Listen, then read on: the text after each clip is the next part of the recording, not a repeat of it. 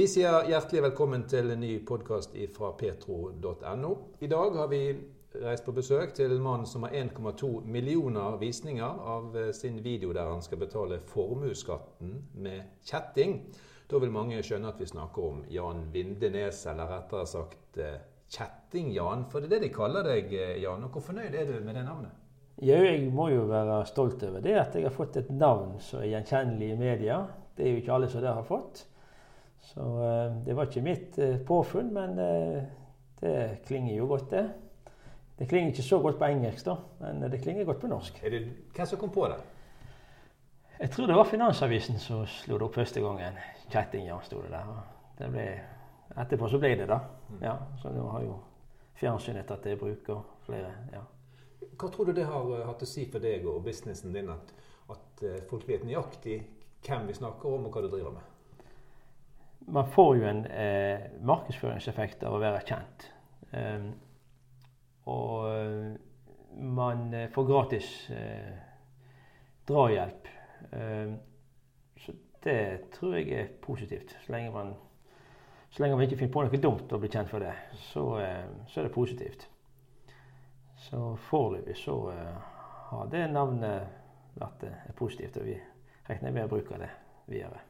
Ja, Hvis noen som vil ha kjetting i, i, Norge, så vet jeg hvem de skal ringe til. Ja. Men, men, la oss snakke litt om, om om eh, oppmerksomheten du har fått. Denne formuesskattsaken som du frontet eh, veldig, der du eh, kjørte opp til Kemner og skulle betale formuesskatten din med Hvor mange tomme kjetting var det? Det var jo 250 tonn vi sa vi skulle levere. Men det, den første bilen var jo bare 25 tonn som var plass på.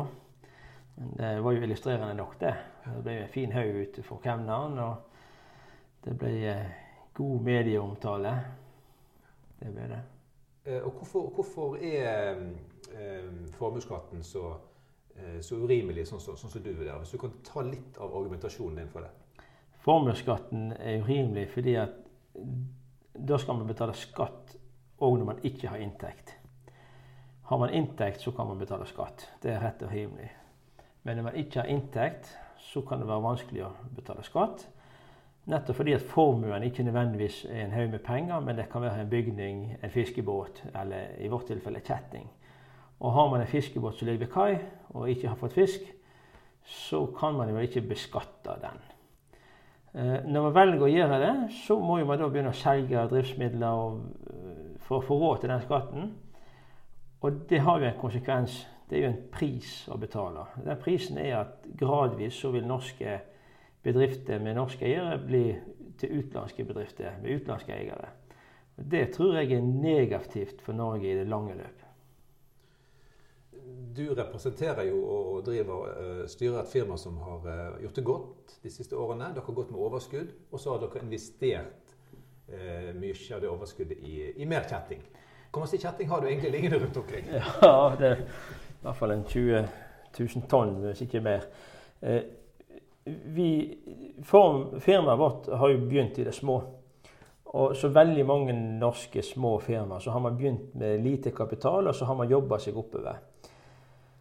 Vår familie som eier dette selskapet her, er ikke rikmannsfamilie. Mine besteforeldre var fattige småbønder og fiskere. her. Så vi har ikke kapital annet enn den kapitalen vi opparbeider oss gjennom drifta. Og skal vi vokse, så må vi tjene pengene og reinvestere det i bedriften. Og reinvestere det i nye arbeidsplasser. Så I tillegg med at vi driver med anker og kjetting som vi er kjent for, så har vi jo noen flere bedrifter som vi har i samme konsern, hvor det ikke alltid har gått så godt. Altså Vi har noen verkstedsbedrifter som har slitt veldig nå under oljebransjen. Og de pengene vi har tjent på kjetting, har vi da òg brukt til å holde liv i de arbeidsplassene. At vi skulle slippe å gå konkurs med de bedriftene. Så de bedriftene har da fått nødhjelp. Uh, og det er noe vi gir med glede fordi at vi som er norske, og, og de som jobber hos oss, er norske og naboer, venner, bekjente og familiemedlemmer, så bruker vi gjerne litt av pengene for å slippe å legge ned og for å holde liv i arbeidsplassene. Utenlandske eiere kan jo være litt mer kyniske i en sånn vurdering. I tillegg til at utenlandske eiere eh, ofte flagger overskuddet ut til land med lav skatt. Vi ønsker å betale skatt i Norge, og vi ønsker å ha norske arbeidsfolk. Og hvis det går noen dårlige år, så bruker vi formuen til å holde liv i arbeidsplassene.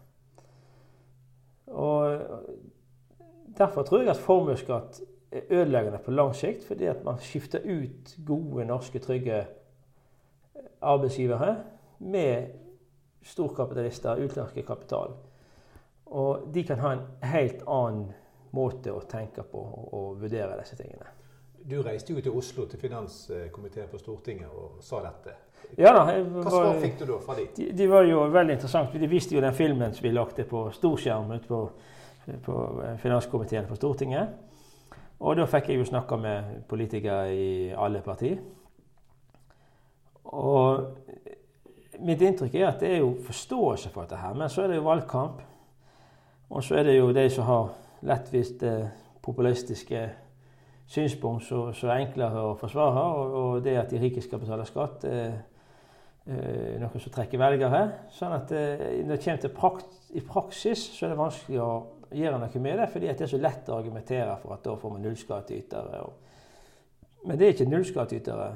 Vi betaler alle skatt når vi tjener penger. Men når man driver eh, en butikk, så er det ikke alle år som går i pluss. Det hender av og til at man går i minus. Og da er du likevel alle disse tusen tonn med kjetting liggende på kaien? Ja, hvis vi, hvis vi, kunne betalt uh, skatt med kjettingen, så, så, var det ikke et problem. Mm. Men problemet er at når, når det er dårlige år, så eh, blir ikke den kjettingen til penger. Men det hvem vil ha penger. Og hadde vi fått kjettingene, leid den ut, så hadde vi hatt penger. Men, men, når det er dårlig marked og det er oljebrems og sånt, så, så, ligger vi der med et lager med kjetting som ikke blir til penger. Og da eh, blir det veldig tungt å betale skatt av det. Har du vært der du har sagt nei til å kjøpe mer kjetting fordi du fryktet at kanskje det kom en sånn formus, altså likviditetsutfordring nå? Ja, den, den, utfordringen har vi hele tida. Ja. Vi må balansere dette her. Hva skal vi gi her nå? Skal vi, skal vi tørre å, å, å, investere? Skal vi Eller skal vi ikke tørre? Og Formuesskatten den rammer oss, den hemmer oss. Den hemmer veksten vår og utviklingen vår. Og når den hemmer oss, så hjelper den jo konkurrentene. Og konkurrentene det er utlendinger. Så, så Formuesskatten fører til at våre konkurrenter i utlandet blir sterkere og større, mens vi blir eh, svakere og har, må svømme med kjettinglykker på foten. Det er ikke bra for, eh, for norske eh, bedrifter å ha den situasjonen. Det fører til at vi blir svake, vi mister arbeidsplasser, vi mister verdistigning. Og det, disse arbeidsplassene da, blir overført til utlandet. Du snakker i store bokstaver. Det gjorde du òg når du sa det at det var en kontrakt du kjempet om, eller var tilbudt å få, eh, til eh, noen millioner kroner, der det var eh, et ønske om å ikke bruke norsk arbeidskraft. Og da sa du du skal heller hive kjettingen på sjøen, sa du. Ja, det, sa du det?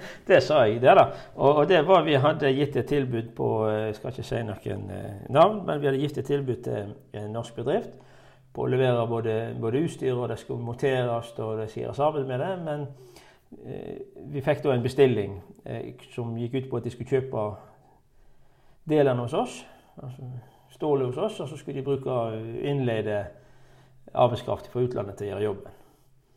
Da sa vi nei. Eh, og Da sa jeg at jeg skal hive heller kjettingen på sjøen, og så kansellerte vi kontrakten. Jeg syns det er litt synd det som skjer. At mer og mer av eh, arbeidet så har vi innledd utenlandsk arbeidskraft som overtar det norske. Noe av det er jo òg naturlig utvikling. Og Noen bedrifter står i et dilemma. Skal du få arbeidet, så, så, må du gjøre dette. Men noe av det er på andre siden helt unødvendig. Eh, grunnen til at vi sliter, de som har norsk arbeidskraft, er at vi må betale arbeidsgiveravgift. Arbeidsgiveravgiften er på 14 Hvis man velger å bruke innledd arbeidskraft fra Øst-Europa, og Hvis man eh, gjør det på rette måten, så slipper man de 14% Og Så har man da selvfølgelig akkurat tarifflønn, og så har de noen triks for å trekke ut igjen noen av de kronene de, på forskjellige måter. Men da er det vanskelig å konkurrere ved å oppføre seg ordentlig. Vi ønsker at de som jobber hos oss, skal ha arbeid hele året. De skal ha ordentlige arbeidskontrakter. De skal slippe å være permitterte. De skal ha ikke bare tarifflønn, men de skal ha litt mer tarifflønn.